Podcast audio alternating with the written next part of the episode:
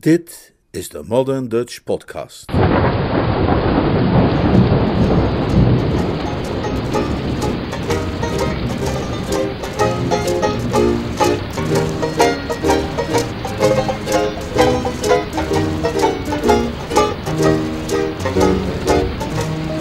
Noodweer op kasteel Blauwdings. Een roman van P.G. Woodhouse, Summer Lightning, vertaald en voorgelezen door Leonard Beuk. Hoofdstuk 2 Het pad der ware liefde. De stralende zonneschijn die het leven op kasteel Blandings zoveel aantrekkelijker maakte, werd minder op prijs gesteld door die harde werkers van Engeland, wier taak hen verplichtte in Londen te blijven. Zoals bijvoorbeeld de heer Mortimer Mason, de corpulente bewindvoerder van Mason en Saxby's theatermanagement, in zijn kantoor op de bovenste verdieping van het Regal Theater aan de Shaftesbury Avenue, nadrukkelijk van mening dat wat het land op dit moment het hardst nodig had, een binnendringend lage drukgebied was, afkomstig uit de omgeving van IJsland. En nog van afgezien dat deze schier tropische julimaand hem zich zo benauwd deed voelen als een zalm aan de haak, was die slecht voor zaken. Gisteren nog had hij om kosten te besparen een paar danseressen moeten ontslaan uit het revueballet van de show beneden. En hij had er een ontzettende hekel aan om danseressen te moeten ontslaan. Hij was een goedhartig man en bovendien had hij zelf in zijn jonge jaren op de planken gestaan en wist hij wat het betekende om midden in de zomer je congé te krijgen. Er werd op de deur geklopt. De menselijke wachthond die in het voorvertrek de toegang tot zijn kantoor bewaakte, trad binnen. Ja, zei Mortimer Mason vermoeid. Heeft u even de tijd voor Miss Brown, meneer? Welke Miss Brown? Sue? Ja, meneer. Tuurlijk. Ondanks de hitte klaarde zijn gezicht op. Staat ze buiten? Ja, meneer. Laat haar dan vooral binnenkomen. Mortimer Mason had altijd al vaderlijke gevoelens gekoesterd voor Sue Brown. Zijn zwak voor haar had te maken met haar niet aflatende goede humeur en haar betrouwbare manier van werken. Maar wat hem vooral zo voor haar innam, was het feit dat zij de dochter was van Dolly Henderson. Londen was vol oudere heren die zich prettig geroerd voelden als hun gedachten uitgingen naar Dolly Henderson en die goede oude tijd toen ze nog jong waren geweest van hart en slank van leest. Hij verhief zich uit zijn stoel, maar viel er meteen weer in terug als pijnlijk gekwetst. Mijn hemel, riep hij uit, wat zie jij er onbehoorlijk koel uit. Dat is gewoon niet te verdragen. Het was geen onterecht verwijt. Op een namiddag dat het asfalt ligt te borrelen op de wegen en theatermanagers wegsmelten in hun stoel, heeft geen meisje het recht om eruit te zien als een bedauwde roos, vers geplukt uit een lommerrijke tuin. En dat was precies hoe dit kind, vond Mortimer Mason, zich opzettelijk vertoonde. Ze was een klein ding, een en al grote ogen en een brede, vrolijke glimlach. Ze had typisch het figuur van een danseres en al haar bewegingen spelden jeugd. Sorry, pa! Ze lachte en Mr. Mason kreunde zachtjes. Hij lach, want hij was niet ondichterlijk van aard, deed hem denken aan ijs dat tinkelde in een groot glas bier. Probeer dan maar een andere kant op te kijken. Maar wat is er aan de hand, zo? Kwam u me vertellen dat je gaat trouwen? Op het moment even niet, uh, ben ik bang. En die jongen van jou, is die nog niet terug uit Biarritz? Hij is vanmorgen aangekomen. Hij stuurde me een briefje tijdens de matinee. Hij zal nu al buiten op me staan te wachten. Wil je hem zien? Moet ik daarvoor naar beneden? Vroeg Mr. Mason op zijn hoede. Nee, hij zit waarschijnlijk in zijn auto. Je kunt hem zien als je uit het raam kijkt. Naar het raam lopen wilde Mortimer Mason nog wel lukken. Hij tuurde omlaag naar de fraaie tweepersoons sportwagen in het straatje beneden. De bestuurder leunde gemakkelijk achterover en rookte een sigaret via een lange sigarettenpijp, terwijl hij zorgvuldig de blik gericht hield op een groepje kinderen uit de buurt dat hij er kennelijk van verdacht erop uit te zijn krassen in zijn lak te maken. Zo, de minnaars vallen nogal klein uit dit seizoen, concludeerde Mr. Mason na ampele inspectie. Ja, hij is uh, klein, hè?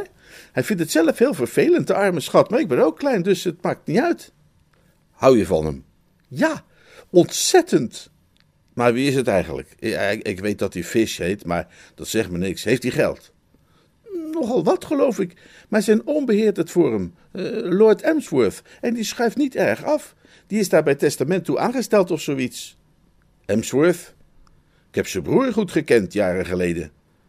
Mortimer Mason grinnikte bij de herinnering. Die beste Galley. Wat een type. Ik heb altijd nog een plannetje leggen waar ik eh, die schelm van een Galley goed bij zou kunnen gebruiken. Ik vraag me af waar die tegenwoordig uithangt. Nou, volgens de prattler van deze week is hij op kasteel Blandings, het landgoed van Lord Emsworth in Shropshire. Daar gaat Ronnie vanavond toevallig naartoe. Laat hij al zo gauw weer in de steek? Mortimer Mason schudde zijn hoofd. Dat bevalt me niks. Sue lachte. Nee, serieus niet, zei Mr. Mason. Wees maar voorzichtig, dat soort knapen moet je in de gaten houden. Maak je mij niet ongerust, pa. Op Ronnie kun je kerken en torens bouwen. Nou, als je later maar niet zegt dat ik je niet gewaarschuwd heb. Dus onze Gally zit op uh, Blandings, hè? Dat moet ik even onthouden. Ik zou hem graag eens even spreken. Maar goed, wat kwam je me nou eigenlijk vragen? Sue trok een ernstig gezicht. Ik kom je om een gunst vragen. Zeg op, je kent me. Het gaat over die meisjes die je ontslag hebt aangezegd. De hartelijke trek op Mr. Masons gezicht veranderde in een zakelijke. Ja, ik moet zeggen kwijt. Ja, dat weet ik, maar een van die meisjes is Sally Field. Ja, en wat wil dat zeggen? Sally heeft het erg moeilijk, pa. En, en, en wat ik nu wilde vragen, zei Sue in één adem door, was of je haar zou willen houden en, en mij dan in haar plaats ontslaan. Uit stomme verbazing vergat Mortimer Mason een ogenblikje de hitte. Hij ging recht overeind zitten en keek haar met open mond aan. Wat moet ik doen? Mij in haar plaats ontslaan. Jou in haar plaats ontslaan? Ja, je bent gek. Wel nee, juist niet. Kom op, pa. Wees eens een beetje lief. Ben jij dan zo recht met haar bevriend? Nee, niet speciaal, maar ik heb met haar te doen. Ja, daar ga ik niet aan beginnen hoor. Je moet het doen. Ze zit absoluut aan de grond. Ja, maar ik heb jou nodig in de show. Wat een onzin. Of ik daar nu sta of. Ja, dat maakt alles uit. Jij, jij hebt. Uh, hè? Ik, ik, ik, weet niet. Dat, weet je wel. Je, moeder had het ook. Wist je dat ik de jeune premier was in de eerste show waar zij ooit in gestaan heeft? Ja, dat heb je me verteld. En kijk nu eens hoe ver je gekomen bent, hè? Nu gaan er met gemak twee jeune premiers uit jou. Maar goed, je doet het, hè? Toch? Mortimer Mason dacht na. Nou ja, ik zal wel moeten als jij zo aandringt, zei hij tenslotte. Want als ik het niet doe, dan neem je zelf ontslag. Ik ken jou. Zo ben jij. Een kerel. Je moeder was precies zo. Maar weet je zeker dat je het zelf redt? Hij begon in de papieren te schoffelen op zijn bureau. Nou ja, misschien kan ik iets anders voor je vinden als ik hiermee straks rond ben. Nou, veel ronder dan dit kun je niet worden, lijkt me. Al zou je het proberen, arme schat. Weet je, pa, als je nu elke ochtend iets eerder opstaat en een half uurtje Zweedse gymnastiek doet, ja, hou op zeg, of doe je wat. Het zou anders heel goed voor je zijn, echt waar. Maar enfin, het is echt lief van je om je zorgen te maken over mij, pa. Maar dat is echt niet nodig. Je hebt al genoeg om je zorgen over te maken. Het komt wel goed met mij, dag hoor. En dat van Sally is gewoon heel tof van je. Je hebt haar leven gered. Als zij dat schele meisje is aan het eind van de tweede rij, dat altijd uit de maat is, dan weet ik helemaal niet zeker of ik haar leven wel wil redden. Nou, dat heb je dan al gedaan. Tot ziens. Wacht even, wacht even, niet weggaan. Ik moet wel. Ronnie staat op me te wachten. Hij wil ergens samen met mij thee gaan drinken. Ik hoop langs de rivier ergens. Heerlijk zal dat zijn onder de bomen, aan het koele, kabbelende water. De enige reden dat ik je geen lel geef met deze liniaal, zei Mr. Mason, is de gedachte dat ik zelf snel genoeg verlost zal worden uit dit Turkse bad. Volgende week opent er een show voor mij in Blackpool. Denk daar maar eens aan. Hoe lekker koel het daar zal zijn aan het strand, met die ruisende golven. En dan jij met je schepje en je emmertje fijn pootje baden. Oh pa, stuur me een foto, wil je? Maar nu ga ik echt. Ik kan niet hier de hele dag blijven staan beppen over jouw vakantieplannen. Mijn arme lieve Ronnie moet zo langzamerhand haast geroosterd zijn. Het is nooit prettig langzaam geroosterd te worden. Het is een tergend proces.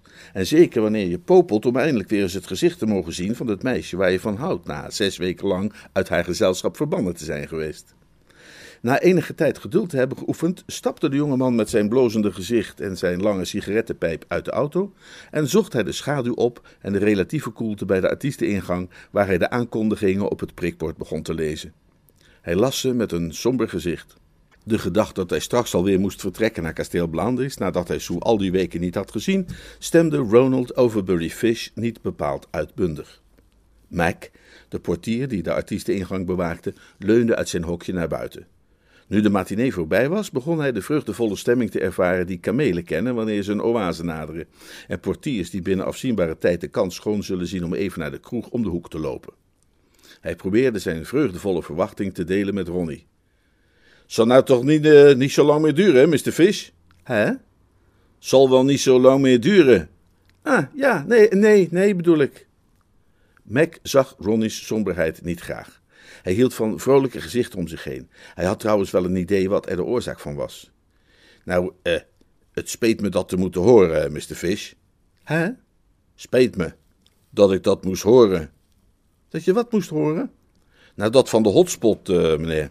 Die nachtclub van u. Dat hij niet wilde lopen. Dat hij al zo gauw op de fles ging.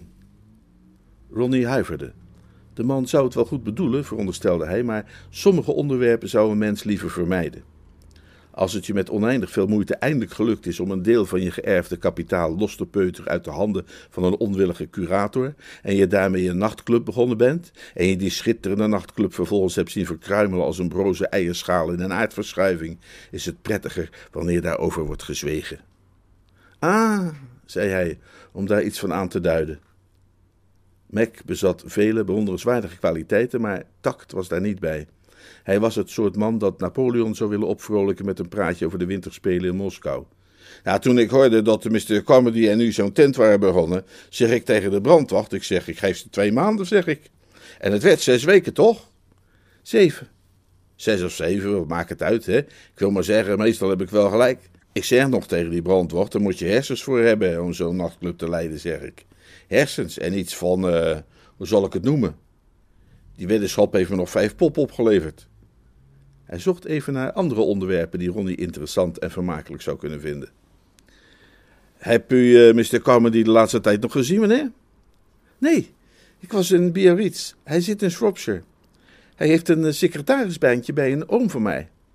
Nou, dat zou me niks verwonderen als u daar ook niet een puinhoop van weet te maken. Hij kreeg het gevoel dat de conversatie nu echt lekker op gang begon te komen. Ik heb Mr. Carmody hier in het verleden heel vaak gezien.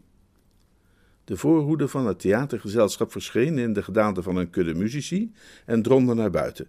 Eerst een paar dorstige fluiten, vervolgens een zwerm violen en tenslotte een loslopende hobo met hevig gefronste wenkbrauwen. Hobo's blijven ook als ze getemd zijn altijd link. Ja, meneer, veel gezien, Mr. Carmody hier. Kwam altijd voor Miss Brown. Waren dikke vrienden, die twee. Oh ja? vroeg Ronnie met plotseling overstaande stem. Ik moest altijd erg lachen als ik die twee samen zag.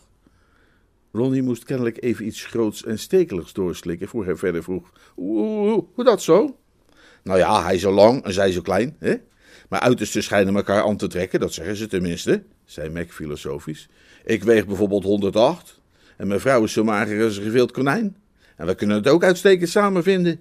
Ronnie was niet heel erg geïnteresseerd in de Cutelet-index of BMI van de portier en zijn verwanten. Ah, eh, juist, zei hij.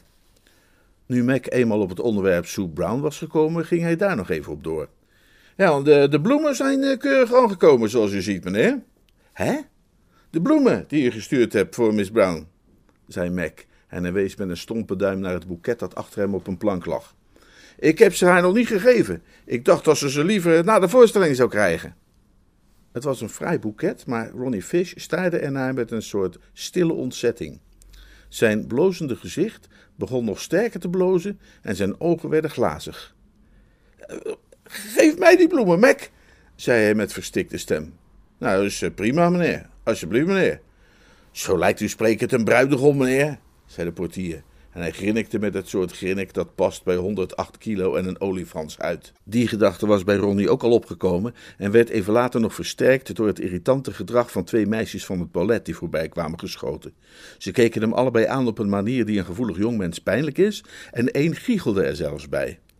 Ronnie draaide zich om naar de deur. Als uh, Miss Brown komt, zeg dan maar tegen haar dat ik in de auto zit te wachten. Uitstekend, meneer. Ziet ik u nog de komende tijd, meneer? Nee. De sombere uitdrukking op Ronnie's gezicht verdiepte zich. Ik vertrek vanavond naar Shropshire. Blijft u lang weg? Ja, nogal. Het spijt me dat te horen, meneer. Maar tot ziens dan maar, meneer. Dank u, meneer. Ronnie greep het boeket stevig vast en liep met lode passen naar zijn auto. Er was een kaartje tussen die bloemen gestoken. Hij las het en smeet het boeket achter in de wagen. Er kwamen nu danseresjes voorbij in hele scholen tegelijk. Ronnie Fish had er geen oog voor. Hij bekeek ze chagrijnig en vroeg zich af waarom de recensies altijd zo lovend waren over hun charmes. Maar uiteindelijk verscheen er toch één bij het zien waarvan zijn hart zich loswrong en op hol sloeg. Het galoppeerde hem door de keel terwijl ze met uitgestrekte handen op hem toeliep. Ronnie, engeltje lief, lammetje! Sue! Voor een verliefde jonge man, hoe zwaar de zorgen ook mogen wegen waaronder hij gebukt gaat, brengt de aanblik van dat ene meisje waar alles om draait en dat hem toelacht de genezing van alle kwalen. In elk geval tijdelijk. Ronnie's somberheid was op slag verdwenen. Hij was vergeten dat hij onlangs zijn kapitaal verloren had in een rampzalige commerciële onderneming. Hij was vergeten dat hij nog diezelfde avond in ballingschap moest gaan. En hij was zelfs vergeten dat zijn liefste zojuist een weelderig boeket had ontvangen van een of andere afschuwelijke lichtmatroos genaamd P. Frobisher Pilbeam, die lid was van de Junior Constitutional Club. Straks zou hij zich dat wel weer herinneren, maar voor dit moment werd zijn hele denkvermogen in beslag genomen door de gedachte dat hij Sue Brown voor het eerst na zes lange weken weer zag. Het spijt me dat ik je zo lang heb laten wachten, liefste. Ik moest even Mr. Mason spreken. Ronnie schrok. Waarover? Als trouwe bioscoopbezoeker had hij een vrij exact en angstaanjagend beeld van theatermanagers. Oh, iets zakelijks. Heeft hij je uit eten gevraagd of zoiets? Nee, hij heeft me ontslagen. Ontslagen? Ja, ik ben mijn baantje kwijt, zei Sue vrolijk. Ronnie brieste. Ik zal die kerel zijn nek breken. Nee, nee, nee, niet doen. Het is zijn schuld niet. Het ligt aan het weer. Als er een hittegolf is, moeten ze snijden in de uitgaven. Het is de schuld van mensen zoals jij die in de zomer naar het buitenland gaan in plaats van in Londen te blijven en naar het theater te gaan. Ze zag de bloemen en slaakte een verrukte kreet. Zijn die voor mij? Een ogenblik geleden was Ronnie een en al ridderlijke bezorgdheid geweest. Een dappere krijger, bereid om tot de dood te vechten voor zijn geliefde.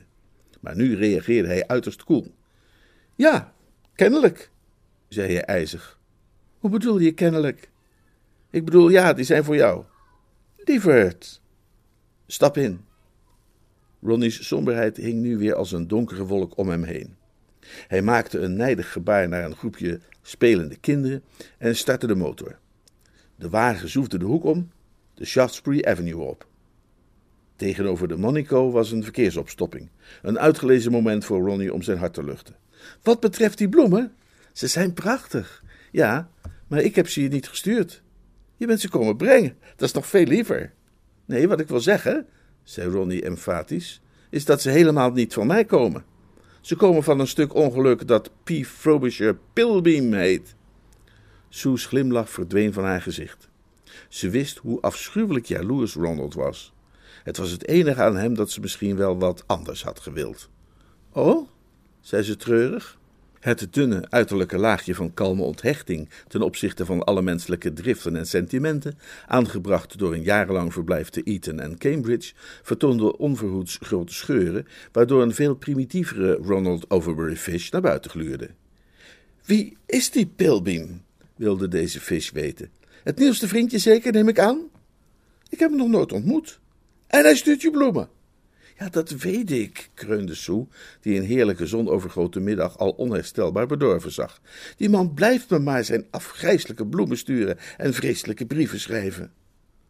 Ronnie knarste tanden. Maar wat ik je zeg, ik heb die man van mijn levensdagen nog niet gezien. Je weet niet wie hij is. Een van de meisjes zei me dat hij vroeger dat tijdschrift Society Spice uitgaf, maar wat hij nu doet, weet ik niet. Althans, wanneer hij niet bezig is om jouw bloemen te sturen, bedoel je? Ja, nou, ik kan er toch niks aan doen dat hij me bloemen stuurt? Goh, waarom zou je er ook iets aan doen, hè? Sue's ogen bliksemden. Maar omdat ze me al te goed wist dat Ronnie onder bepaalde omstandigheden net een kind van zes was, deed ze nog een vertwijfelde poging om de situatie te redden. Het is toch niet mijn schuld dat ik door zo iemand word achtervolgd met ongewenste attenties, of wel? Als jij naar de film gaat, neem je toch ook Lillian Gish niet kwalijk dat ze achtervolgd wordt door allerlei geboeften? Ronnie kon het grapje niet op prijs stellen. Soms vraag ik me wel eens af, zei hij melancholiek, of jij eigenlijk nog wel iets om mij geeft. Oh, Ronnie, dat, dat vraag ik mij af, ja. Vaak genoeg. Ik kijk naar jou en dan kijk je naar mezelf en dan vraag ik mij dat af. Hoe bestaat het ook eigenlijk, denk ik dan, dat een meisje zoals jij iets zou voelen voor een kerel als ik?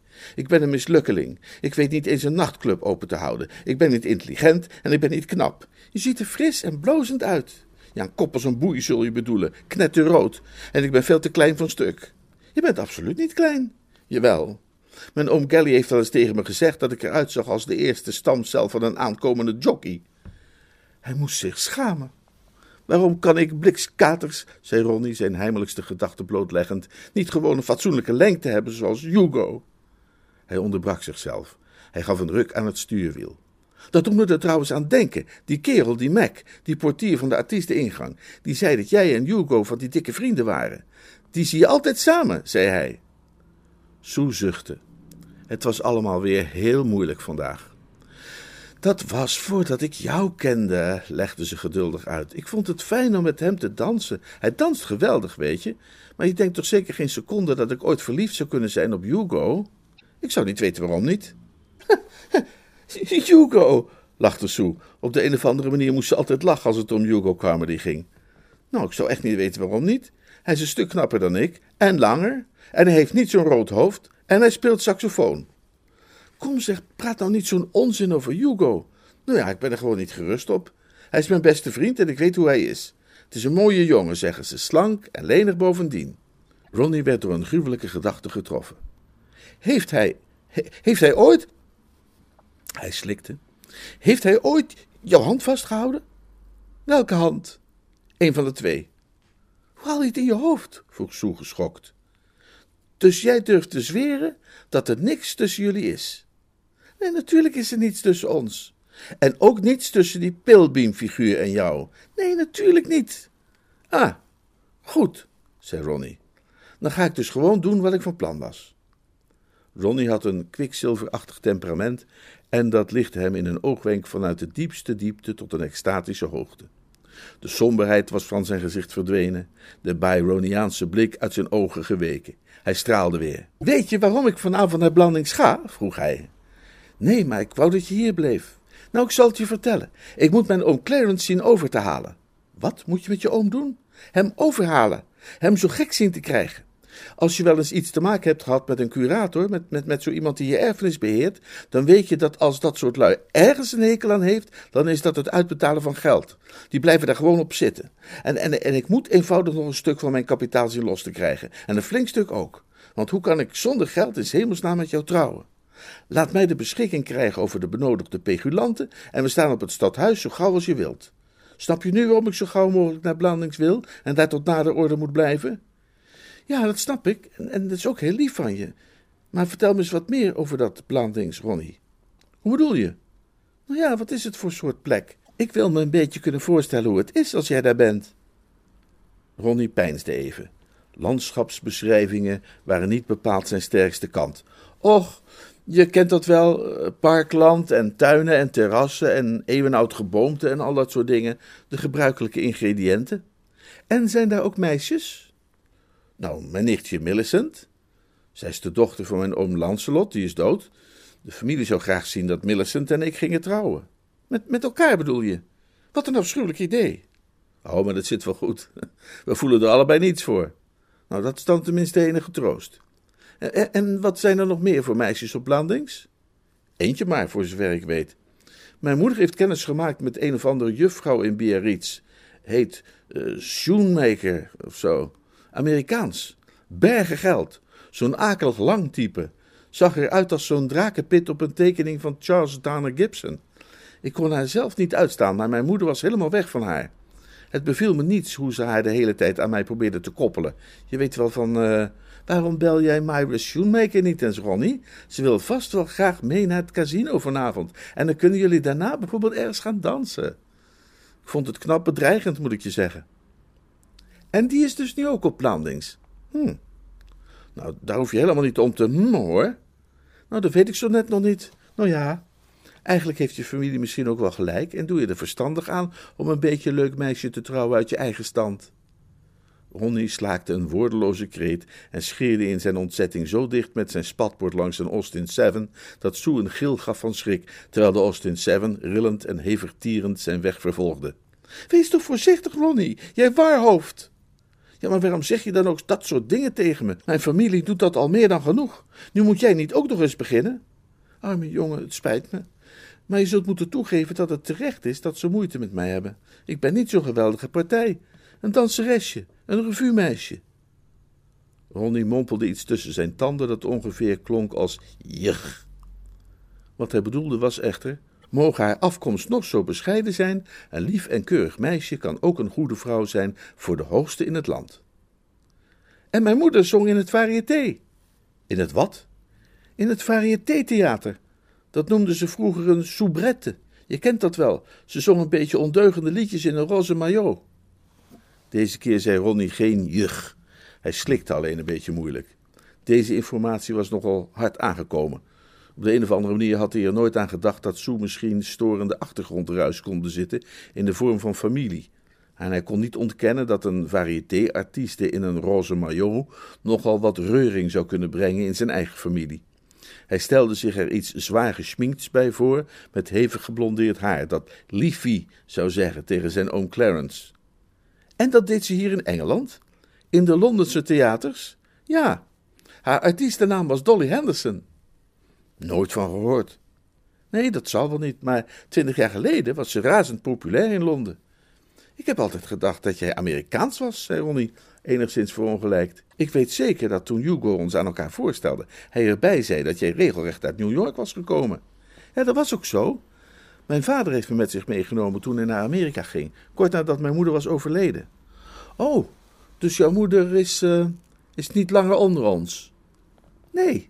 Goh, wat droevig, zei Ronnie opgelucht. Mijn vader heette Cotterley. Hij was in de Ierse garde. Wat? Ronnie slaakte een woeste kreet. Een verkeersagent die daar vlakbij zijn werk probeerde te doen, raakte er danig door in de war. Maar dat is fantastisch. Dat is geweldig. Dat maakt mij natuurlijk niet uit, dat begrijp je. Ik zou net zoveel van je gehouden hebben als je vader op de markt had gestaan met paling en gelei. Maar voor mijn donderse familie gaat dat een enorm verschil maken. Nou, dat betwijfel ik. Nee, echt. We moeten hem als de bliksem over laten komen en hem aan ze voorstellen. Of hij is hier in Londen. Soes bruine ogen betrokken. Hij is dood. Hè? Oh, sorry, zei Ronnie. Hij was even de kluts kwijt. Tja, nou, uh, laat me dan tenminste mijn familie over hem vertellen, bedacht hij toen hij zich weer wat hersteld had. Dat ik ze hem in elk geval wat voor de neus laat bungelen. Wat je wilt, maar dan zullen ze me heus nog niet accepteren hoor, omdat ik een revue-meisje ben. Ronnie fronste zijn voorhoofd. Hij dacht aan zijn moeder. Hij dacht aan zijn tante Constance. En de reden leerde hem dat Sue eenvoudig gelijk had, dat ze zei. Wat een bliksemse flauwe kul vertellen mensen toch over revue-meisjes, zei hij. Ze denken kennelijk dat alleen omdat een meisje in een showballet danst, ze meteen een soort wandelend champagnevat is. En dat ze niets anders doet dan iedere avond op tafel dansen voor een stelletje zatte beursmakelaars. Wat geen beroerde manier is om je tijd te besteden, zei Sue peinzend. Dat moet ik misschien toch eens proberen. Met als gevolg dat als het om trouwen gaat, de familie van haar aanstaande op haar neerkijkt en er alles aan doet om een huwelijk te voorkomen. Dat is in onze familie al eerder gebeurd. Mijn oom Gally was ooit in het grijze verleden ook verliefd op een meisje dat aan het toneel was. Toen is de familie ertussen gekomen, heeft een eind aan die relatie gemaakt en hem op een schip gezet naar Zuid-Afrika, zodat hij haar zou vergeten. En moet je hem nu zien. Ergens rond de vorige eeuwwisseling is hij een dag nuchter geweest en heeft meteen besloten dat zulks nooit meer zou voorkomen. Ik vrees dat het mij net zo zal vergaan. Het zou me ernstig verbazen als ik daar op kasteel Blandings, honderd mijl bij jou vandaan, opgesloten, ook niet hopeloos aan de drank raak. Wat een gruwelijke onzin. Ik heb het er helemaal mee gehad. Ik denk dat ik vanavond gewoon naar mijn oom Clarence ga en gladweg tegen hem zeg dat ik van jou hou en dat ik met je ga trouwen en dat als het niet bevalt mijn hele familie de boom in kan. Nou, doe dat toch maar niet. Ronnie kalmeerde wat. Nee, nou, misschien heb je gelijk. Vast. En als je hem over mij vertelt, krijg je gegarandeerd je geld niet. En als je niet zegt, misschien wel. Wat voor man is het eigenlijk? Oom Clarence? Och, een wazig, zachtaardig oud baasje, dol op tuinieren en dat soort dingen. Op het ogenblik is hij helemaal verknocht aan zijn varken, begrijp ik. Nou, dat klinkt toch kneus? Nou, ik kan je wel zeggen dat ik me een stuk geruster zou voelen als ik straks om mijn geld ga wanneer ik een varken was. Dan zou ik een stuk hartelijker ontvangen worden. Je gedroeg je trouwens daarnet wel als een vark, als ik het zeggen mag. Ronnie sidderde. Berouw knaagde aan zijn bonzend hart onder zijn scherp gesneden vest. Het spijt me. Het spijt me ontzettend. Het punt is dat ik zo stapel gek ben op jou, dat ik, dat ik meteen jaloers word op iedereen waar jij mee omgaat. Weet je, Sue, als jij mij ooit in de steek zou laten, dan. Ik, ik weet niet wat ik dan zou doen. Uh, Sue? Ja? Je moet me iets beloven. Wat dan? Beloof me dat je, zolang ik op Blandings ben, met niemand anders zult uitgaan. Ook niet alleen om te dansen. Ook niet alleen om te dansen? Nee. Oh, Oké. En vooral niet met die pilbeam. Ik dacht dat je zou gaan zeggen, vooral niet met Hugo. Over Hugo maak ik me geen zorgen. Die zit veilig op Blandings. Is Hugo op Blandings? Ja. Hij speelt als secretaris voor mijn oom Clarence. Ik heb gezorgd dat mijn moeder hem dat baantje bezorgde toen de hotspot op de fles ging. Dus jij hebt Hugo en Millicent en Miss Shoemaker om je daar in de gezelschap te houden. Wat fijn voor je. Millicent. Ja, je kunt nu wel Millicent zeggen op die toon, maar ik voel me daar helemaal niet zo gerust bij. Ze klinkt nogal teutig en druilerig, maar ik zie al hoe zij daar straks met jou uit wandelen gaat onder die eeuwenoude olmen, als de maan door de takken gluurt, en hoe zij dan naar jou opkijkt met grote, dromerige ogen. Op me neerkijkt, zul je bedoelen. Ze is 30 centimeter langer dan ik. En trouwens, als jij denkt dat er ook maar één meisje op aarde is dat zelfs maar een vriendelijk glimlachje aan mij kan ontlokken, zolang ik jou heb om aan te denken, dan heb je het goed mis. Ik zweer je plechtig, Sue. En daarna werd hij erg lyrisch. Sue leunde achterover en luisterde tevreden naar hem. De wolk die er zo dreigend had uitgezien, die heel even de hemel had verduisterd, was overgewaaid. Het was toch nog een heerlijke, zonnige middag geworden. Trouwens, zei Ronnie toen zijn woordenvloed tenslotte wat luurde, nu ik eraan denk, waar gaan wij eigenlijk heen? De zevende hemel. Ik bedoel nu, op dit moment. Ik dacht dat we ergens thee gingen drinken. Ja, maar waar? We zijn inmiddels helemaal buiten de theezone. Met al dat gepraat heb ik eigenlijk zomaar wat in het wilde weg gereden. Volgens mij zijn we in de buurt van Swiss Cottage gekomen. We kunnen beter omdraaien en richting de Carlton proberen te koersen of iets in die geest. Wat zeg je daarvan, de Carlton? Prima. Of de Ritz, wat je wilt. Of zeg, wat is het? Zo, ik heb een idee. Verbaas me. Waarom gaan we niet naar Norfolk Street? Naar jouw huis? Ja, er is niemand thuis. En onze butler is een trouwhartige kerel. Die zorgt wel voor thee en zal ons niet verraden. Dat soort butler wil ik wel eens ontmoeten. Zullen we dat doen?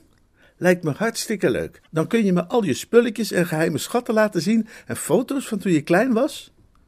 Ronnie schudde zijn hoofd. Hij vond het vervelend een domper te moeten zetten op haar aanstekelijk enthousiasme, maar dat laatste leek hem toch een te groot risico. Nee, die foto's niet.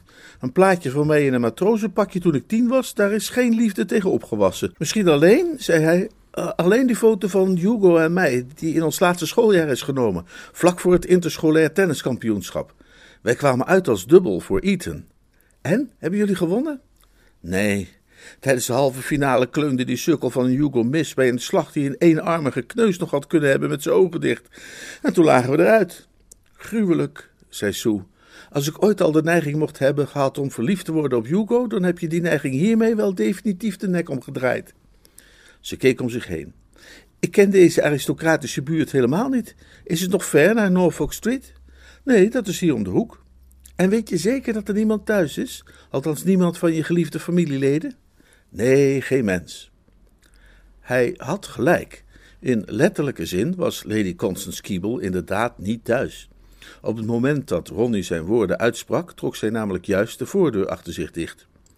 Na een half uur vruchteloos te hebben gewacht op zijn terugkomst, had ze een briefje voor hem achtergelaten op een tafeltje in de hal en was op weg gegaan naar Claridge's om daar een kopje thee te drinken. Pas toen hij recht tegenover het huis stilhield, ontwaarde Ronnie wie daar op de stoep stond. Hij trok spierwit weg.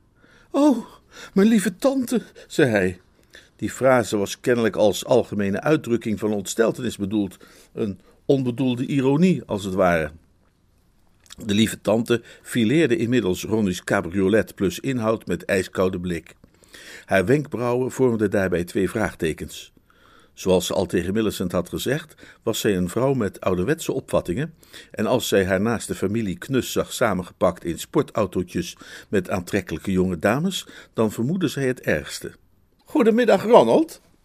Eh, hallo, tante Constance. Zou je me even willen voorstellen? Gevaar scherpt het intellect, daar is geen twijfel aan. Zijn leraren op school en zijn studiebegeleiders aan de universiteit, die uitsluitend te maken hadden gekregen met een Ronald Overbury Fish in tijden van vrede en een toestand van mentale rust, hadden hem steeds gerekend tot het minder schrandere deel van de aan hen toevertrouwde jeugd. Hadden zij hem echter kunnen waarnemen tijdens deze acute crisis, dan zouden zij met trots naar hem hebben gewezen. En sportief en grootmoedig als zij waren, zouden zij onmiddellijk hebben toegegeven zijn manhaftigheid en vindingrijkheid grotelijks te hebben onderschat. Want na aanvankelijk een fraaie geraniumrode kleur te hebben aangenomen en met zijn vinger langs de binnenzijde van zijn boord te zijn gegaan om wat ademruimte te creëren die opeens leek te ontbreken, sprak Ronnie Fish de enige twee woorden uit de volledige Engelse woordenschat die op dat moment een ramp konden voorkomen. Miss Schoenmaker, zei hij hees. Sue naast hem hapte naar adem. Zij bespeurde ongekende diepten in haar metgezel. Miss Schoenmaker! De gelijkenis die Lady Constance had vertoond met Apollyon, de engel der vernietiging, was plotseling verdwenen. Zij voelde zelfs vroeging een ongegronde verdenking te hebben gekoesterd tegenover een onschuldige neef. Miss mijn tante, Lady Constance Keeble, zei Ronnie, zichzelf overtreffend met alweer vloeiende en glasheldere stem. Sue was geen meisje dat een vriend in tijden van nood zou afvallen. Ze glimlachte breed. Hoe maakt u het, Lady Constance? vroeg ze, haar glimlach zo mogelijk nog wijder oprekkend. Ik heb helemaal het gevoel alsof ik u al ken. Lady Julia heeft me zoveel over u verteld in Biarritz. Heel even vroeg ze zich af of ze in haar poging een kalme vertrouwelijkheid te suggereren misschien niet net een tikje te aanmatigend was geweest, maar die twijfel smolt weg onder de warme blik van een verzaligde tante. Lady Constance werd vervuld van een ongekende charme, bijna zelfs van sympathie. Ze had altijd gehoopt dat het wat zou worden tussen Ronald en Millicent, maar als dat niet wilde lukken, was zo'n rijke Miss Shoemaker uiteraard een uitstekende tweede. En als die twee zo knusjes samen door Londen rondreden, dan had dat volgens haar beslist iets te betekenen, zelfs in een tijd waarin het knusjes gemengd rondrijden door Londen een heersende trend leek te worden. Hoe dan ook, dat hoopte ze. Dus u bent al in Londen? Ja, dan bent u niet erg lang in Parijs gebleven? Nee. Wanneer kunt u eens naar Blandings komen? Oh, zeer binnenkort, hoop ik. Ik ga zelf vanavond al terug naar Blandings. Ik was hier alleen vandaag maar even. Ik wilde eigenlijk met jou mee terugrijden, Ronald. Ronnie knikte zwijgend. Nu de crisis voorbij was, voelde hij zich wat ineenzakken. Als het niet dringend nodig was, sprak hij mij liever even niet. Probeer inderdaad zo snel mogelijk te komen, Miss Schoenmaker. De tuinen zijn schitterend op dit moment. Mijn broer zal u graag ontvangen. Ik was juist op weg naar Claridge's voor een kopje thee. Gaat u misschien even mee? Dat zou ik heel graag doen, zei Sue, maar ik moet er echt vandoor. Ik wil nog wat inkopen doen en Ronnie zou mij juist wegbrengen. Ik dacht dat u naar Parijs was gegaan om inkopen te doen. Ja, ja, maar niet voor alles. Aha, wel, ik hoop u dan spoedig te zien. Oh, zeker. Op Blandings. Heel vriendelijk. Ronnie, we moeten nu echt gaan, hoor. Ja, tuurlijk. Het was een volkomen waarwinkel in Ronnie's hoofd, maar dit wist hij in elk geval heel zeker. Ja, gaan. Uh, er vandoor. Heel plezierig u te hebben ontmoet. Mijn zuster heeft me zoveel over u geschreven in haar brieven. Als jij je bagage hebt opgehaald, Ronald, wil je mij dan komen oppikken bij Claridge's? Prima. Ik zou graag een beetje vroeg vertrekken als het kan. Uh, prima. Goed dan, tot zo dan. Prima. Tot ziens, Lady Constance. Tot ziens. De wagen trok op en terwijl ze de hoek omreden, nam Ronnie zijn rechterhand van het stuur om zijn zakdoek te pakken en zijn gloeiende voorhoofd te deppen. Dat was dus tante Constance, zei Sue. Ronnie haalde diep adem. Leuk om iemand te ontmoeten over wie ik zoveel heb gehoord. Ronnie legde zijn hand weer op het stuur en maakte een onduidelijke manoeuvre om een hond te ontwijken. Hij voelde zich na zijn jongste ervaring nog wat slapjes. Sue staarde hem echter bijna eerbiedig aan. Wat geniaal, Ronnie, wat spitsvondig van jou. Wat een tegenwoordigheid van geest. Als ik het niet met mijn eigen oren had gehoord, had ik het nooit geloofd. Waarom heb je me nooit verteld dat je zo'n flitsende denker bent? Ja, dat wist ik zelf niet. Het heeft alles wel een stuk ingewikkelder gemaakt, natuurlijk. Hè? Ronnie schrok ervan. Dat aspect van de zaak was nog niet tot hem doorgedrongen. Hoe bedoel je? Toen ik klein was, moest ik een gedicht uit mijn hoofd leren. Ronnie keek haar gepijnigd aan. Ja, laten we het nou even niet over jouw kindertijd hebben, schat. Ik, ik, voel me nogal belabberd. Een andere keer wil ik. Nee, wacht maar. Ik dwaal niet af. Ik weet ook nog maar twee regels van dat gedicht. Weet je wat een netelig web gespint? Wanneer je aan bedrog begint. Want een beetje netelig web is dit wel. Vind je ook niet, Ronnie, lieverd? Wat? Hoezo? Volgens mij liep het glad geolied. Tante Constant slikte het zonder te kikken. Ja, maar wat als straks de echte missioenmaker op Blandings arriveert met haar juwelen en haar 24 koffers? vroeg Sue voorzichtig. Het sportieve autootje slingerde grillig door Grosvenor Street. Gompie, zei Ronnie. Sue's ogen fonkelden. Er is maar één ding dat je kunt doen, zei ze. Nu je A hebt gezegd, zul je verder moeten spellen. Je zult haar weg moeten houden. Ja, maar hoe? Stuur haar een telegram dat ze niet naar Blandings moet komen omdat er roodvonk heerst of iets dergelijks. Dat kan ik toch niet maken? Nou, je zult wel moeten. En onderteken dan met Lady Constance. Ja, maar stel nu dat ze erachter komen. Dan ben je niet erger aan toe dan wanneer ze straks op de stoep staat. Klaar voor een logeerpartij van een paar weken. En daar staat ze straks als jij dat telegram niet stuurt. Dat is waar. En het houdt in, zei Sue, dat je helemaal niet meer rustig de tijd hebt om dat geld los te weken bij Lord Emsworth, maar dat je razendsnel zult moeten werken. Ze legde haar hand op zijn arm. Hier is een postkantoor, zei ze. Ga naar binnen en stuur dat telegram voordat je de moed in de schoenen zinkt. Ronnie zette de wagen stil. Je zult echt een wereldhistorisch snel staaltje geld lospeuteren moeten weggeven, als je het mij vraagt, zei Sue nadenkelijk. Denk je dat je dat gaat lukken? Nou, ik ga het in elk geval goed proberen. Besef goed wat het betekent. Ja, dat doe ik zeker. Het probleem is alleen dat ik, om iets van oom los te krijgen, ik eigenlijk alleen maar een beroep kan doen op mijn persoonlijke charme. En voor zover ik heb kunnen ontdekken, voegde Ronnie eraan toe, is het hem nog nooit opgevallen dat ik ook maar enige persoonlijke charme heb. Hij beende het postkantoor binnen, in diepe gedachten verzonken.